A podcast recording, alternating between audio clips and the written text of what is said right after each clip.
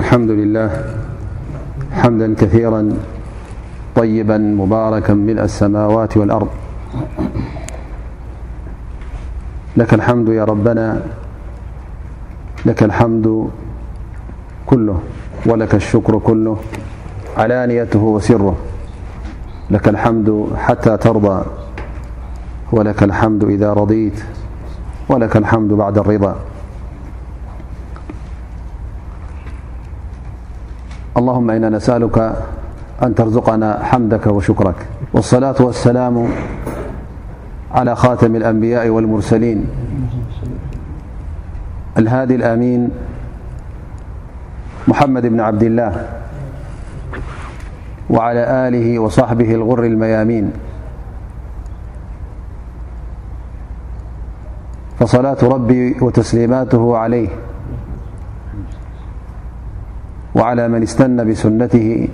إلى يوم الدين أما بعد يا أيها الذين آمنوا اتقوا الله حق تقاته ولا تموتن إلا وأنتم مسلمون يا أيها الناس اتقوا ربكم الذي خلقكم من نفس واحدة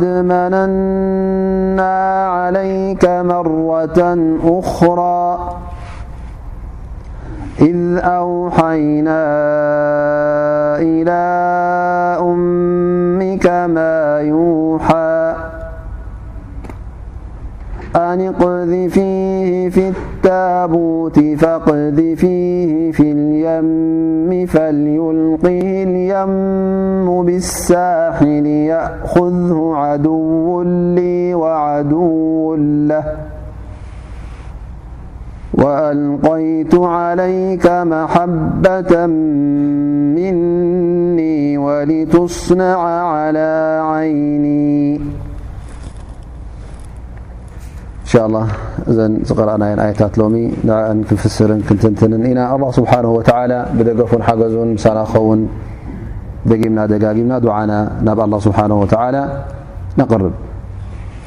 እነሆ ሎሚ ኣላ ስብሓን ወተላ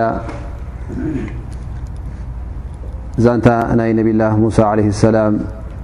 ይቕፅልልና ኣሎ ማለት እዩ ኣብ ዝሓለፈ ደርሲ ከምቲ ዝቐረእናዮ ነብላ ሙሳ ለ ሰላም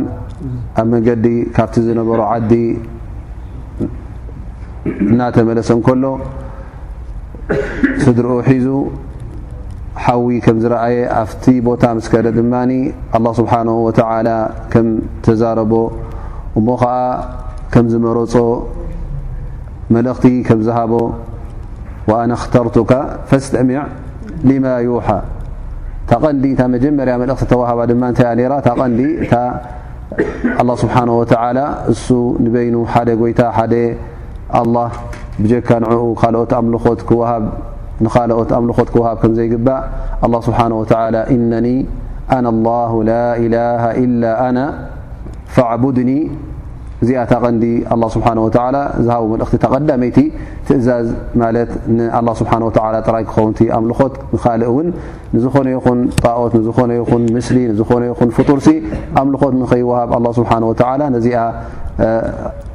ቀንዲ ነጥቢ ኣላ ስብሓን ወተላ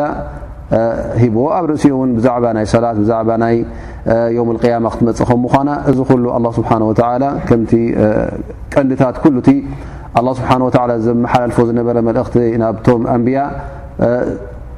ዘይቀያየር ቀንዲታት ኣሎ እሱ ከዓ ጉዳይ ናይ ኢማን ማለት እዩ እሱ ኣላ ስብሓን ወተላ ሓደ ከም ምኳኑ ብመላካ ምእማን ኣ ስብሓ ኩሉ ኣምልኾት ን ክዋብ ከም ዘለዎ ብልኡኻን ምእማን ብዮም ያማ ምእማን ብቀደር ምእማን እዚ እቲ ቀንድታት እዩ ኩሎም እቶም ዝሓለፉ ኣንብያ ክሳዕ ነቢና ሓመድ ስ መጨረሻ መደምደምታ ልኡኽ ኮይኑ ዝመፀ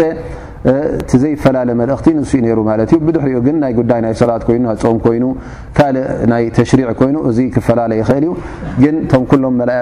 ልኡኻን ኣላ ስብሓን ወተላ ኣንቢያ ሒዞሞ ዝመፁ መልእኽቲ ዘይፈላለ ሓደ ዓይነት ዝኾነ ጉዳይ ናይ ኢማን ብኣላ ስብሓን ወተላ ናይ ዮም ያ ናይ ኣላህን ናይ መላኢካን ናይ ረሱልን ናይ ኩሉቲ ኣላ ስብሓን ወተላ ቀንዲታት ዝኾነ እዚ ሓደ እዩ ማለት እዩ ኣላህ ስብሓን ወተዓላ ሕጂ ንነብላ ሙሳ ዓለህ ሰላም መልእኽቲ እናሃቡ ከሎ ኣብ ርእሲኡ ኣላ ስብሓን ወተዓላ ነቲ ሒዝዎ ዘሎ መልእኽቲ መረጋገፂ ዝኸውን ተኣምር ኣላ ስብሓን ወተዓላ ጌና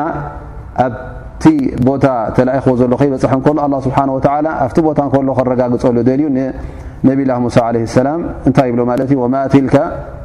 ብየሚኒካ ያ ሙሳ ሙሳ ዓለይሂ ሰላም እዛ ሕቶ እዚኣ ትመጾ ማለት እዩ ወላህ ስብሓን ወተዓላ እታ ሕቶ ክሓትት እንከሎ እንታይ ከም ምዃና እታ ኣብ ኢድ ሙሳ ዘላ ዘይፈለጠ ማለት ኣይኮነን ኣላ ስብሓን ወተዓላ እንታይ ሒዙ ከም ዘሎ ፈልጥ ኣሎ ቃሉ ላኪን ኣላ ስብሓን ወተዓላ ስለምንታይ ሓቲትዎ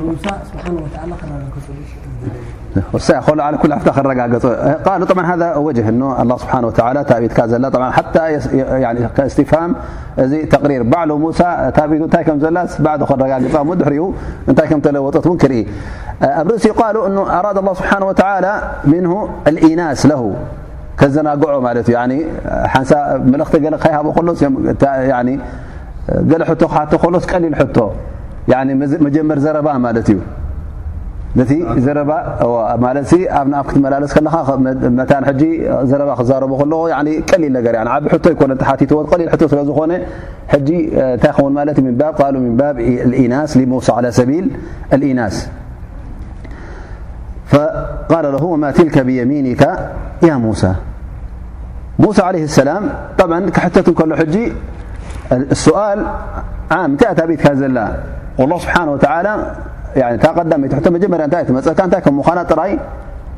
እታ ኣብትካ ዘላ በትረይ ኢሉ ሱቕ በለ ነይሩ ላኪን ቃሉ እ ኣይን እቲ ሕቶ ሙምክን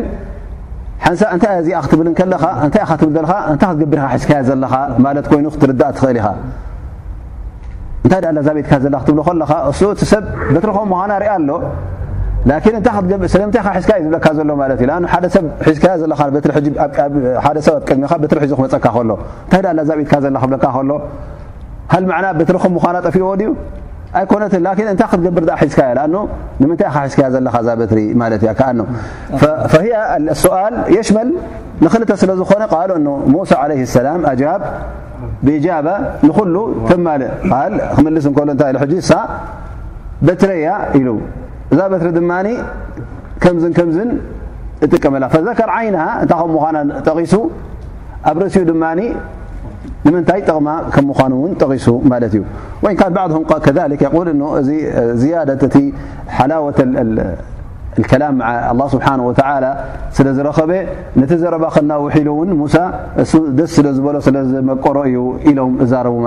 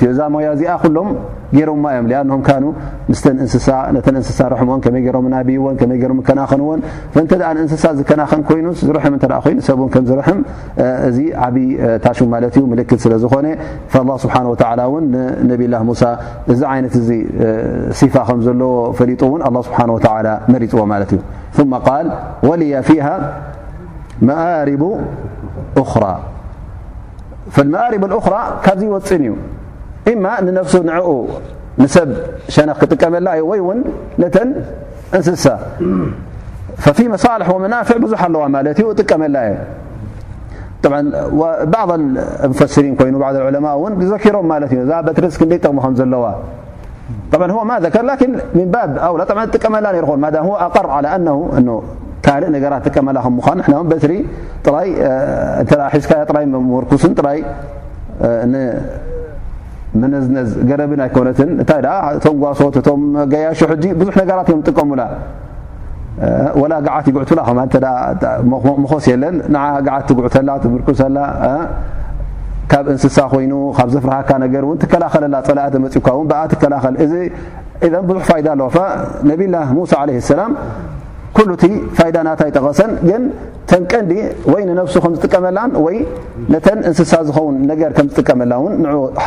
ሓቢሩ ማለት እዩ እዚ እውን እኹል ይኸውን ማለት እዩ ሕጂ እዚኣ ሒዝዋ ዝነበረ በትሪ ከም ምዃና ምስ ኣረጋገፀ ኣላ ስብሓን ወተላ እንታይ ይብሎ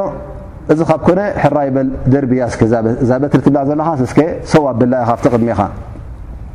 ኣይ ኣልቂ ዓሳ ኣለቲ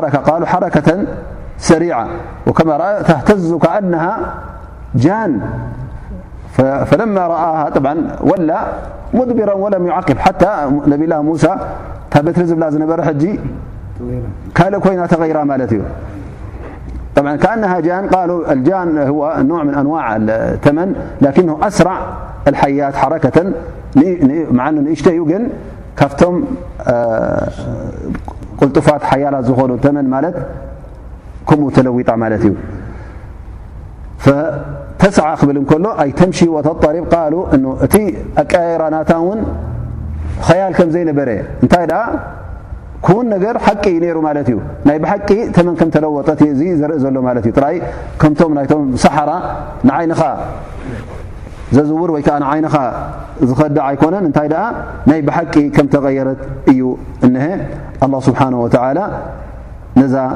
ተመን እዚኣ ዘርእዮ ዘሎ ማለት እዩ ሙሳ ዓለ ሰላም እታ በቲ ኣ ዝብላ ዝነበረ ሕጂ ኣብ ቅድሚኡ እናርኣያ ከሎ ተመን ተቐይራ ማለት እዩ ላ ስብሓን ወተላ ብ ሙሳ ዓለ ሰላም ሕጂ ንመጀመርያ ግዜ እዩ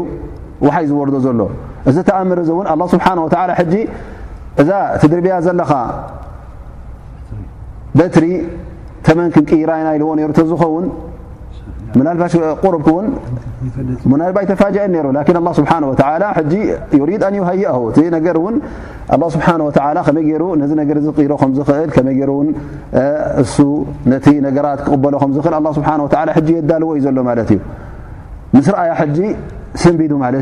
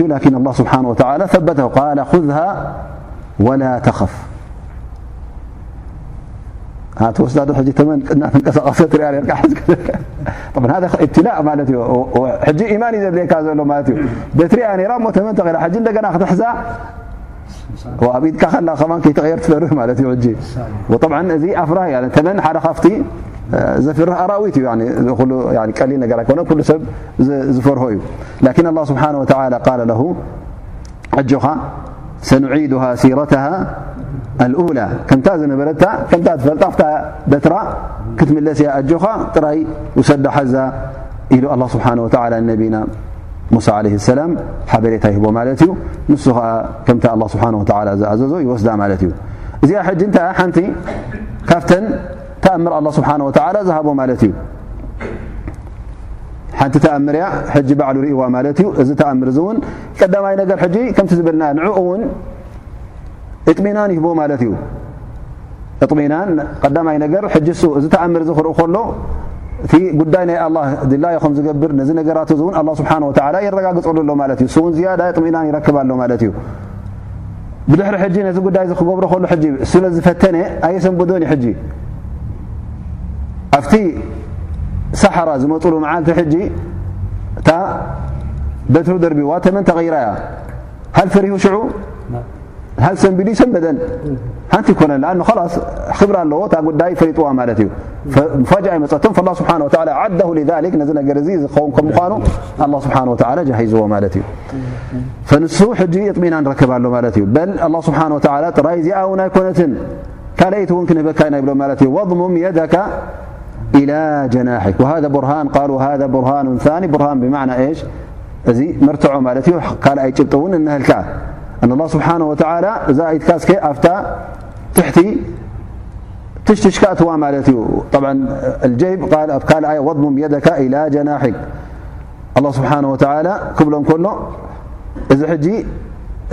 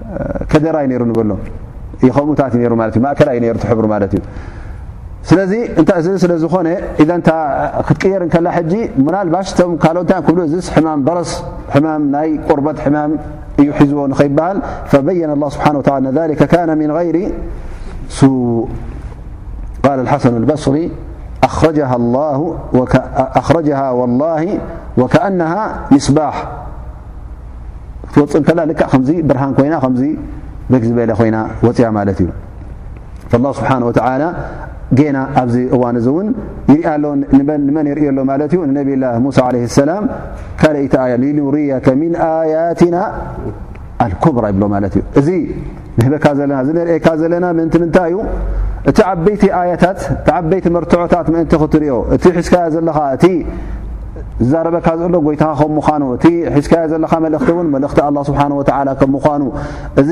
መልእኽቲ እዚ እውን ቅኑዕ ከም ምዃኑ ንኸነረጋግፀካ ንኸነረጋግፀልካ ከምኡ እውን ልብኻ ርግኣት ንኽገብር ፍልጠትካ ንኽውስኽ ኣላህ ስብሓን ወተዓላ ብዝሃበካ ዋዕድን ብዝሃበካ ውዕልን ድማ ርግፀኛ ንኽትከውን ሃذ ኣያት እዚ ኣያታት እዚ እዚ መርትዖ እዚ እዚ ተኣምር እዚ ተዋሂብካዮ ዘለኻ ካብቲ ዓበይቲ ተኣምር እዩ ቀዳማይ ነገር ንዓኻ ልብኻ ንኽረግኣልካ ብድሕሪኡ እውን እዚ ኣያ እዚ እዚ መርትዖ እዚ እውን ነቶም ዳዕዋ ክትገብረሎም ተሓሲቡ ዘሎ ነቶም ንመገዲ ኣላ ስብሓን ወተዓላ ንኽትበርሖም ትእዘዝ ዘለኻ ንኦም እውን ከም መረጋገፂ ኮይኑ ከተቕርበሎም ኢሉ ኣላ ስብሓን ወተዓላ ይሕብሮ ማለት እዩ ሽዑ ነዚ ምስ ርኣዮ ኣላ ስብሓን ወተዓላ እንታይ ይብሎ እዝሃብ ኢላ ፍርዓውና እነሁ ጠቓ ሙሳ ዓለህ ሰላም ቀደም ኣበይ ነይሩ የኽዋና መጀመርያ ኣበይ ነይሩ እዳ ፍርዖን ኣብኡ ይዓብዩ ዳሕራይ ናብ መድየን ክኸይዱ እንከሎ እንታይ ኮይኑ ዩ ኸይዱ ክዛወር ሃዲሙ ዩ ኸይዱ ኣ ክቐትልዎ ስለዝፈረ ከይቀትልዎ ስለ ዝፈርሀ ቀትሉ ሰብ ስለ ዝኾነ እሞ ከዓ ትድለ ኣለኻ ምስ ተባህለ መንግስቲ ደልካ ኣሎ ሓላፊት መራሒ ደልካ ኣሎ ምስ ተባህለ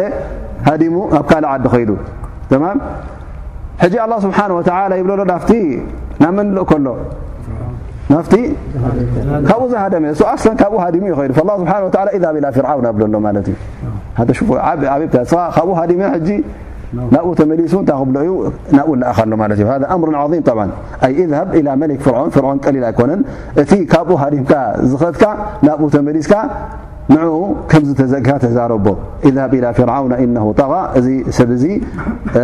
ተመረጥ ካብቲ ደረቱ ወይ ከዓ ካብቲ ጥርዙ ዝያዳ ጥፍኣትን ዝያዳ ሕማቕን ስለ ዝገበረ ኪድ ናብኡ ናብ ኣላ ስብሓን ወተላ ጠብ ዳዕዋ ግበረሉ ኢዛ ቢላ ፍርዓውና ክብሎ ከሎ ኣላ ስብሓን ወተላ ንምንታይ ዳዕዋ እዩ ዝልእኮ ዘሎ ማለት እዩ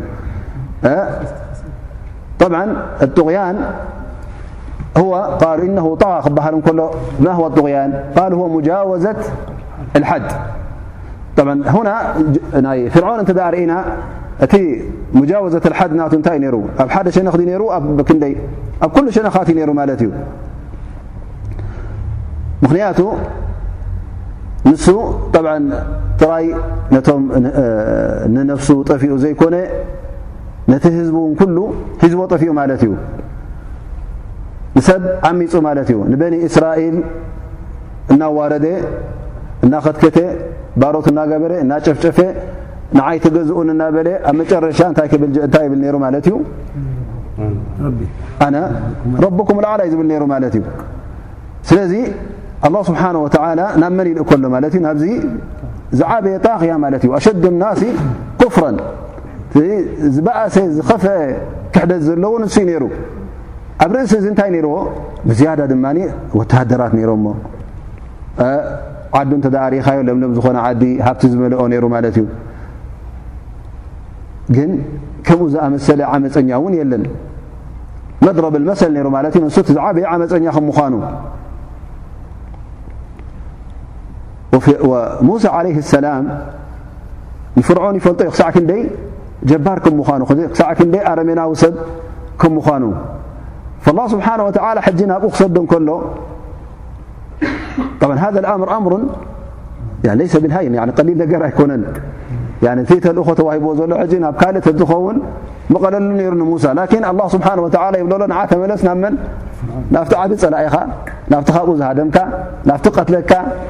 ነይቱን ሓሲቡን ዘሎ ናብኡ ተመሊስካ ንዓ እንታይ ክብሎ እዩ ዳሕሪ ናብኡ ተመሊሱ መዓስ ኢሉ ክህብ ኮይኑ ናብኡ ተመሊሱ ይቕሬታ ክሓትት ኣይኮነ እንታይ ደኣ እንታይ ክብሎ እዩ ንዓ ትጋገለኻ ክብሎ ንዓ ተመለስ ክብሎ ፍርዖን ሃል የቕበል ንዓ ተመለስ ክትብሎ ትጋገለኻ ክትብሎ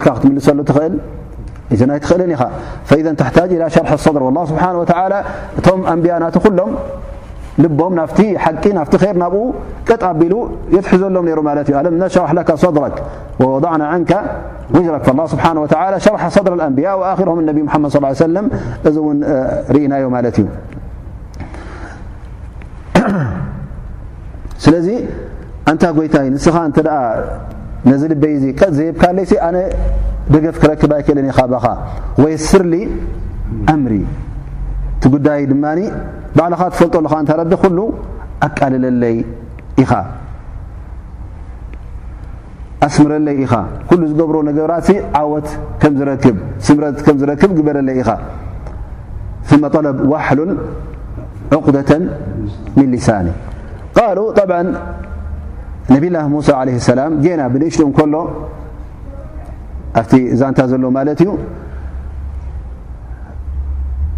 ኣብ መንጎ ንፍርዖን ብንእሽት እንታይ ይብሉ ኣኽርዎ ሕጂ ምስ ተቆጥዐ ፍርዖን እታ ሰበይቱ እንታይ ትብሎ ዘይቁልዓ እንታይ ገይሩካ ኣብ ገዝኦም እዮም ኣብ ገዝኦም ይዓብዩ ክቐትሎ ደልዩ ነይሩ ማለት እዩ እዚስ ወላ ኣብ መንጎ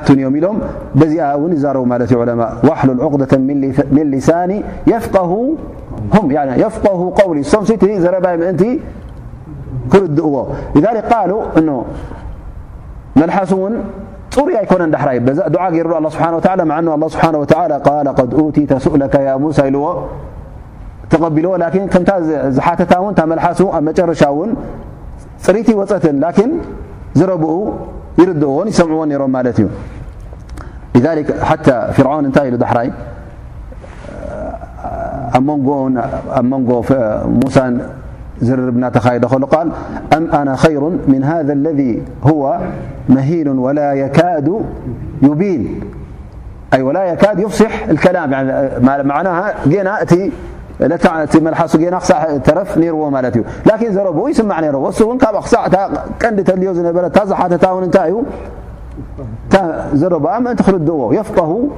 ቀውሊ ذሊከ ኢሎም ዑለማ ዳዕያ ዳዕዋ ክገብር እንከሎ እዘን ነገራት እዚአን ኩለን ኣድለይቲ ይኾና ቀዳማይ ነገር ኣላ ስብሓን ወተዓላ ልቡ ናፍቲ ዳዕዋ ክገብረሉ ሓሲቡ ዘሎስ ኣላ ስብሓን ወተዓላ ልቡ ናብኡ ክኸፍተሉ እንከሎ ንዕኡ ከረጋግጸሉ እንከሎ ኣብኡ ከስምረሉ እንከሎ እዚ ኣድላይ ይብል ኣኑ እንተ እጥሚናን ገዛእ ርሳ እስኻ ዘይብልካ ኮንካ ነዚ ነገር እዚ ዳዕዋ ትገብርሉ ዘለኻ እንተ እስኻ እኹል እምነት ዘይተኣምነሉ ኮንካ ሃል ንካልኦት ክተምነሉ ትኽእል ኣይትኽእልን ኢኻ ኢዘን ቀዳማይ ነገርሲ እንታይ ክኸውን ኣሎ ማለት እዩ እቲ ዳዕዋ ዝገብር ንገዛእ ርእሱ ነቲ ዳዕዋ ዝገብርሉ ዘሎ ጉዳይ ንሱ እስኻ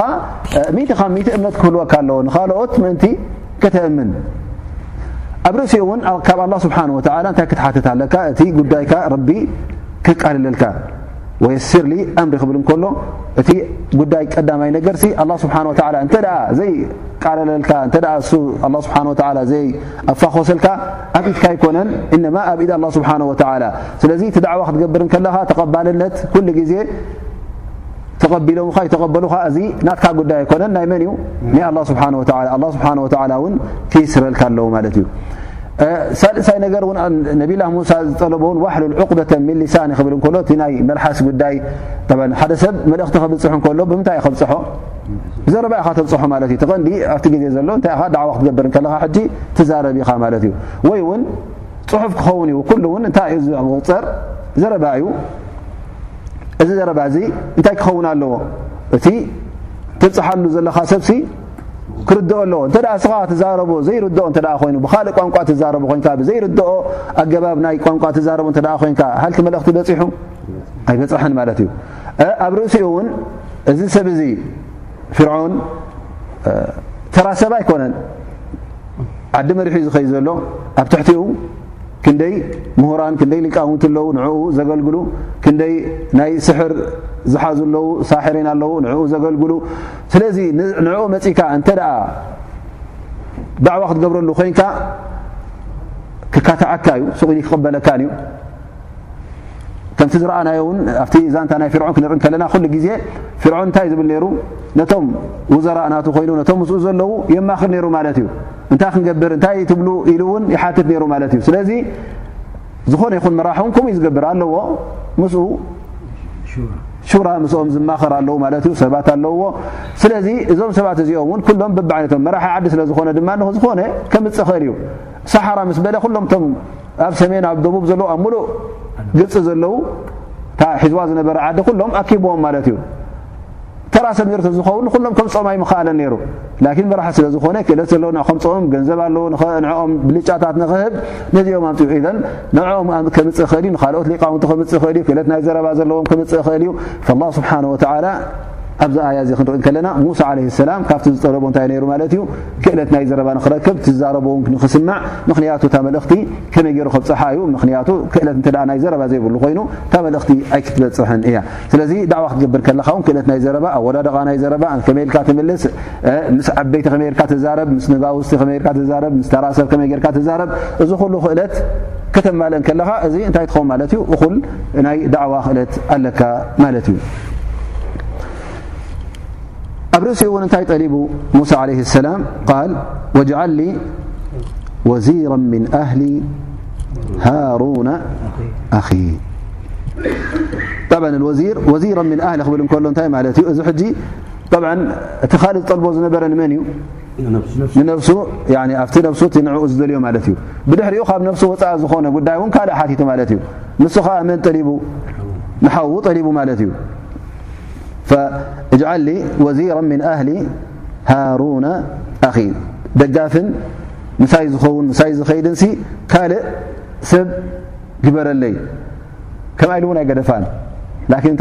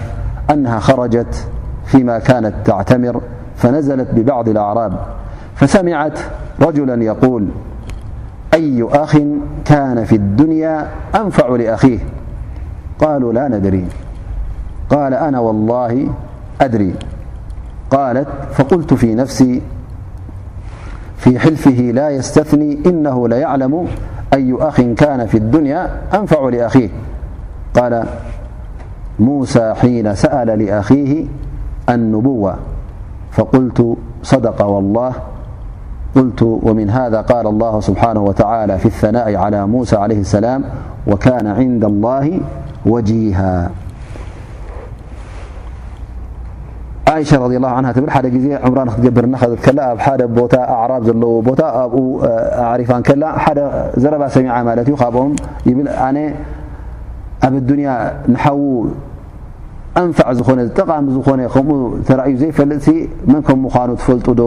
ኢሉ ይሓትት ማለት እዩ እቶም ኣብኡ ዝነበሩ ሕጂ እናዕለሉ ከለዉ እዮም ማለት እዩ ኣንሕናስ ኣይንፈልጥ ኢና ኢሎም እሱ ግን ኣነ ወላ ግን ኣነ ፈልጥ እየ ኢሉ ወላ ኢሉ ምስ መሓለ ኢላ ኣነ ምስ መሓለ ምስ ሰማዕክዎስ እባ እዚስ የግዲ ወረ ኣለዎ ማለት እዩ ፅብቕ ትመልስላቶ ኢላ ትኸውን እያ ኢላ ትዛረብ ማለት እዩ ፈእንታይ ኢሉ ይምልስ ሽዑ ንሱ ሙሳ እዩ ዓለይህ ሰላም ኣብ ኣዱንያ ንሓዉ ፋይዳ ዓብ ፋይዳ ዝገበረ ከምኡ ዝኣመሰለ እውን ዘይተረኣየ ብ ታሪኽ ናይ ሙሳ እዩ ነይሩ ሃል ሓደ ሰብ ንሓዉ ዝጠቐመ ኣብ ደረጃ ናይ ነብነት ዘብፅሐ ካልእ ሰብ ኣሎ እቲ ዝዓበየ ደረጃ እንታይ ኳና ወዲ ሰብ ክበፅሖ ዝኽእል ያ ነብ ያ ረሱል ክኸውን እዩ ካብኡ ላዕሊ እንታይ ኣሎ ኣውልያ ኣለዉ ኣውልያ ታሕቲ ኣንብያ እዮም እ ሺ ኮይኖም ቶም ኣውልያና ካብቶም ኣንብያ በልፁ ብሉ ማለት እዩ ላን ኣስል ኣህሊ ሱና እቲ ዝበለፀ መን እዩ ቶም ደረጃ ናይ ኣንብያ ማለት እዩ ንሓዉ ሰብ ይገብር እዩ ማለት እዩ ሓዉካ ገንዘብ ትህቦ ንሓዉካ ብዙሕ ነገራት ትገብረሉ ካብ ሞት ተውፅኦ ገለ እዚ ኩሉ ዘይግበር ኣይኮነን ተገይሩ እውን ይኸውን እዩ ላኪን ሃል ንሓዉ ናብ ነብይነት ደረጃ ዘብፅሕ ኣሎ ኣብታሪክ ሰሚዕኩም ብጀካ ሙሳ ዓለ ሰላም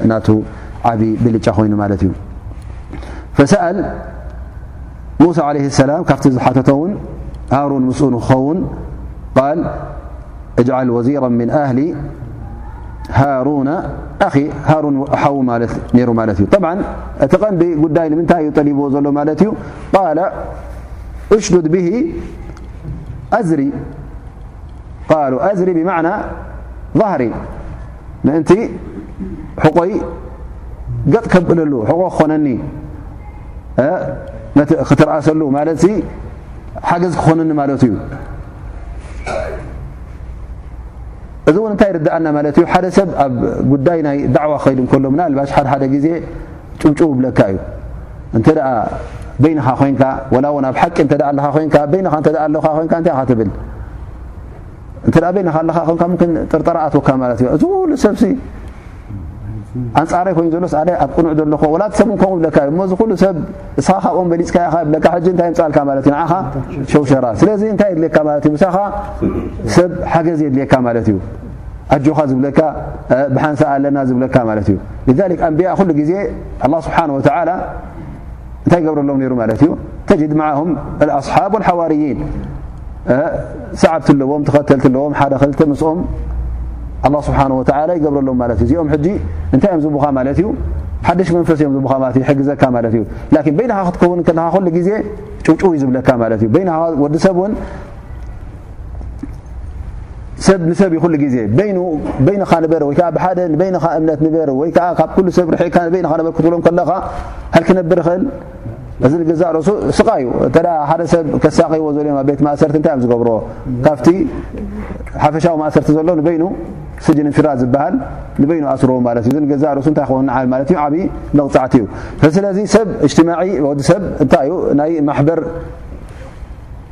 ባህሪ ኣለዎ ማለት እዩ ብሓደ ሰብ ምስ ሰብ ክነብር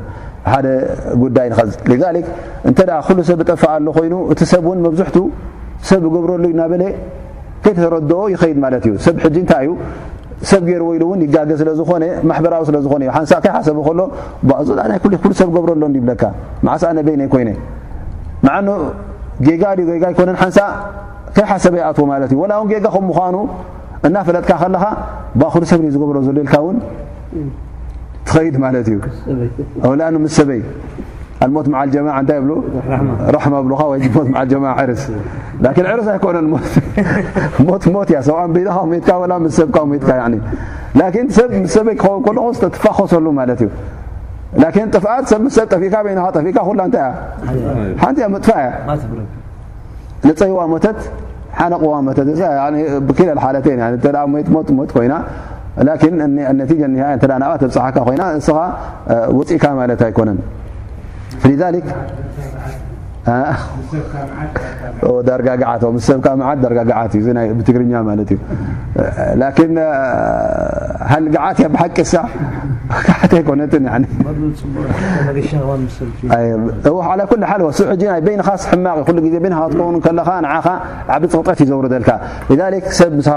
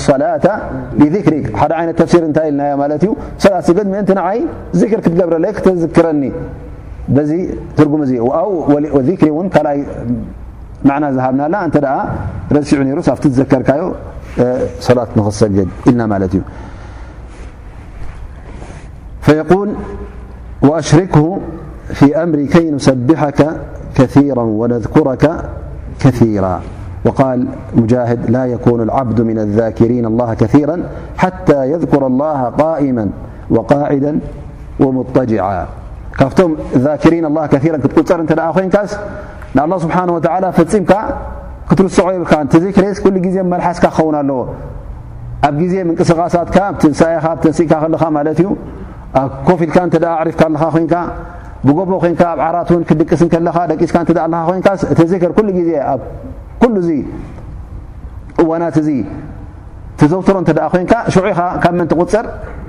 ካብቶም ذኪሪን ላ ከራ ካብኦም ትቁፅር ማለት እዩ ኑሰቢሓካ ከራ ወነذኩረካ ከራ ኢሉ ነብ ላ ሙሳ እቲ ቀንዲ ኣድላይ ናይ ጉዳይ ውን እቲ ቀንዲ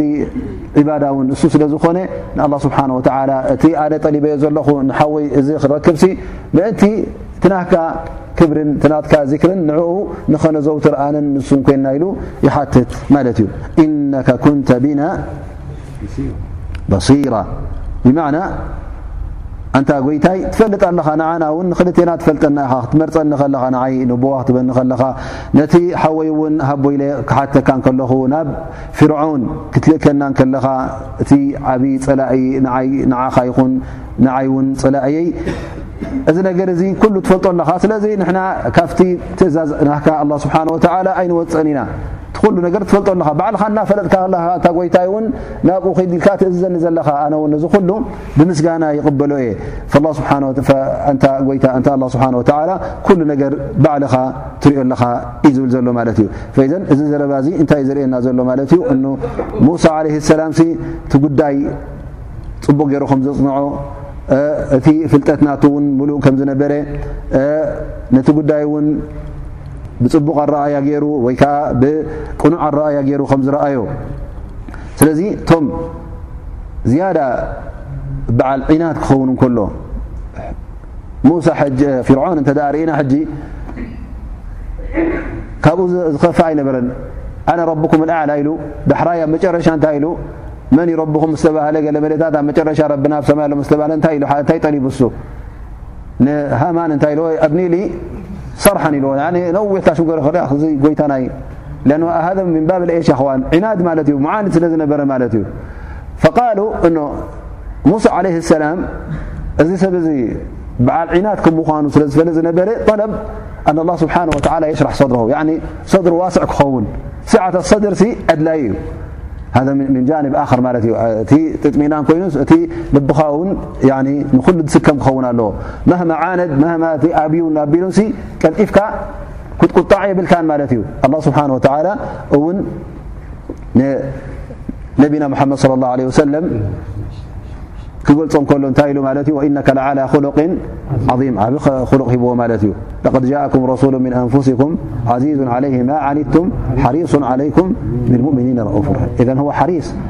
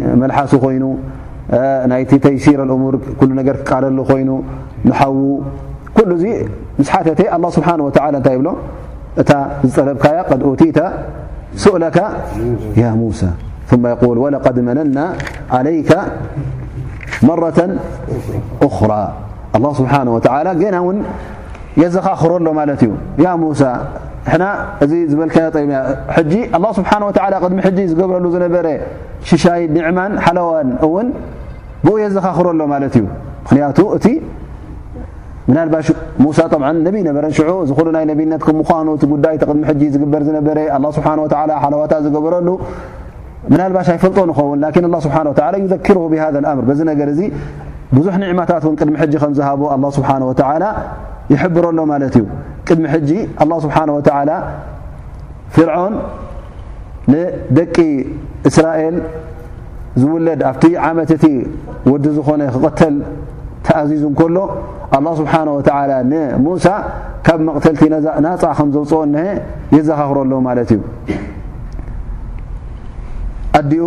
ምስ ወለደቶ ብጣዕሚ ተሸጊራ ኣላ ስብሓን ወተላ ግን እንታይ ገይሩላ ማለት እዩ ኢድ ኣውሓይና ኢላ ኡሚካ ማ ይውሓ ኣንቕዚ ፊሂ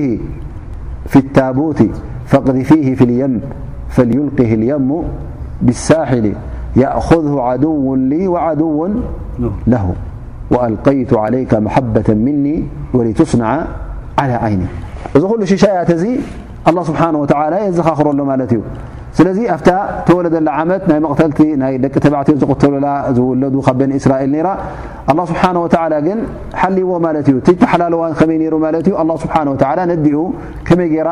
ኣብ ሳንዱቅ ዝኣመሰለ ኣብ ታቡት ኣብኡ ንኸተቐምጦ ማለት ለይቲ ክኸውን ከሎ ተእትዎ ገዛ ተጥውቦ ድሕሪኡ ቀትሪ ኣብኡ ገይራ ኣብ ምንታይ ትፍንዎ ነራ ማለት እዩ ኣብ ባሕሪ ኣብቲ ኒል ማለት እዩ ኣብኡ ትፍንዎ ግን እንታይ ትገብሮ ራ ማለት ብገመድ ነዊሕ ገመድ ተኣስሮ ነራ ማለት እዩ ይብሉ ሓንቲ መዓልቲ ክትኣስሩና እታ ቦሊቓ ከይዳ ማለት እዩ ጠብዓ ምስ ከደት ሽዑ ማይ ሒዝዎ ከይዱ ማለት እዩ ናይ ኒል ጠብዓ ክኸይዱ ከሎ ቀስ እናበለ ከይዱ እዩ ኣብ መጨረሻ ኣብ ምንታይ ኣብፅሕዎ ማለት እዩ ኣብ ወሰን ኣብ ደንደስ በፂሑ ማለት እዩ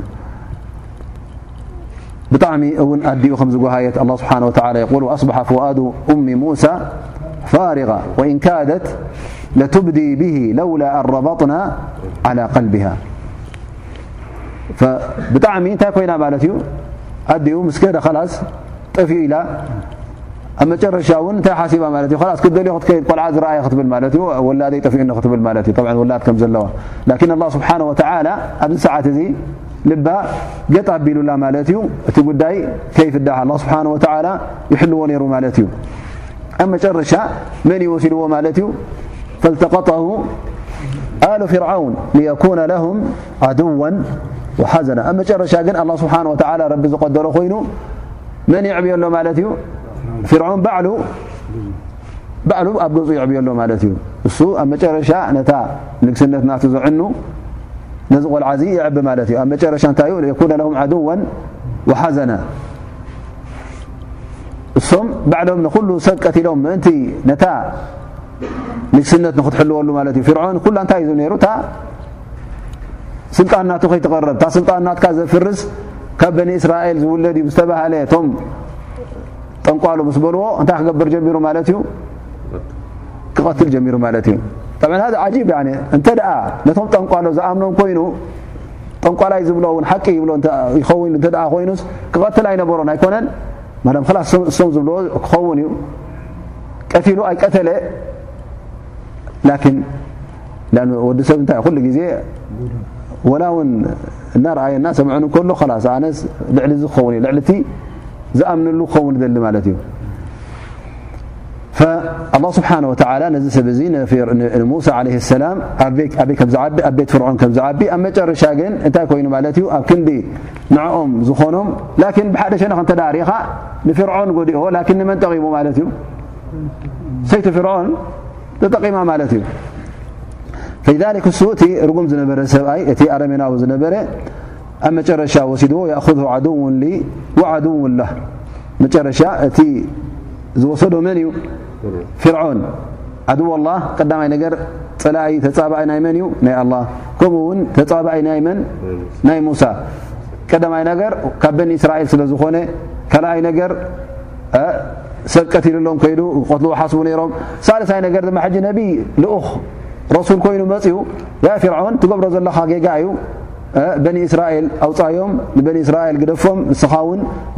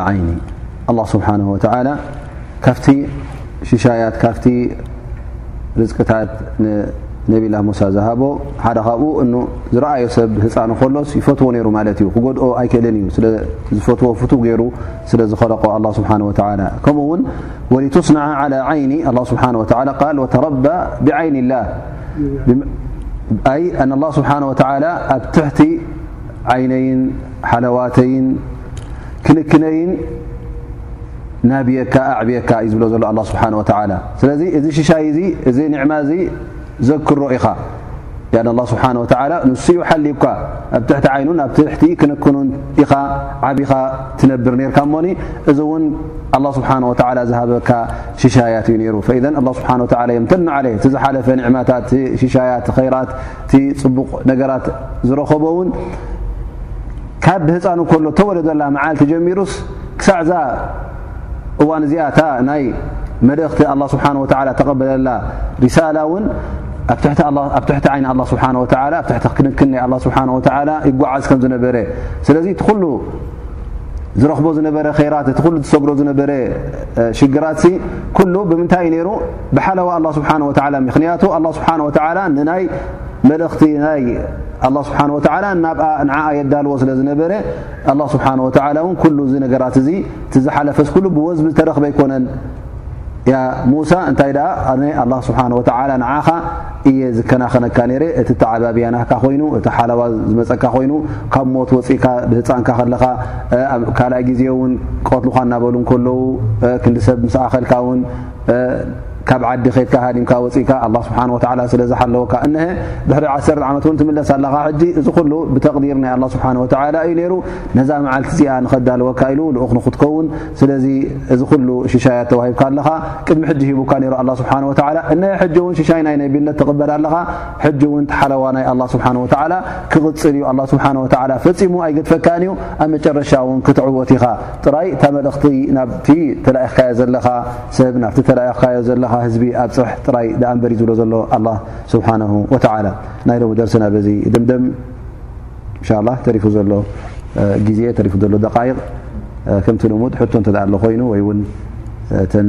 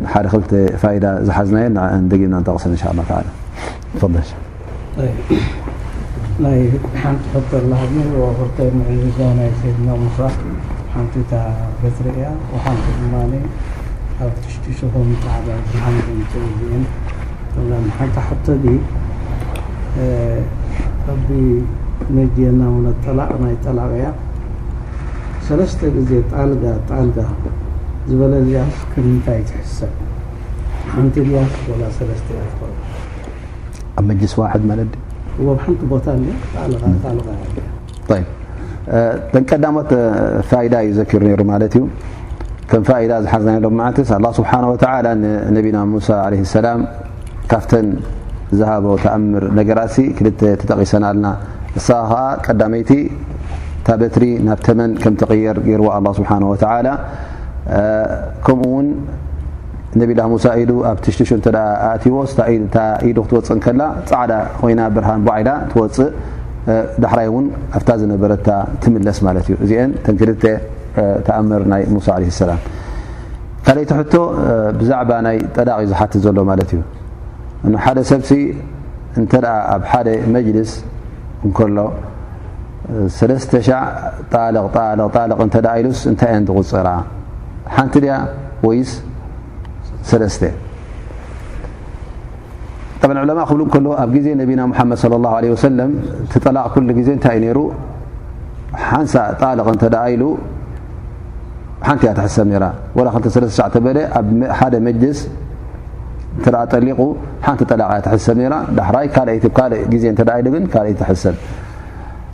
ከምኡ ቀፂሉ ኣብ ግዜ ነቢና ሓመድ ስ ሰለ ኣብ ግዜ ኣቡበከር ይብሉ ኣብ ግዜ ዑመር ምስ መፀ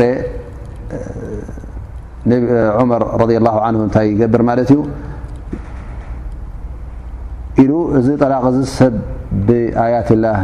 ምልጋፅ ጀሚሩ ክልተ ሰለስተ ጠሊቀ ሸሕ ጠሊቀ ክብል ጀሚሩ ማለት ጠለቕቲ ኣልፈ ንብላ ማለት እዩ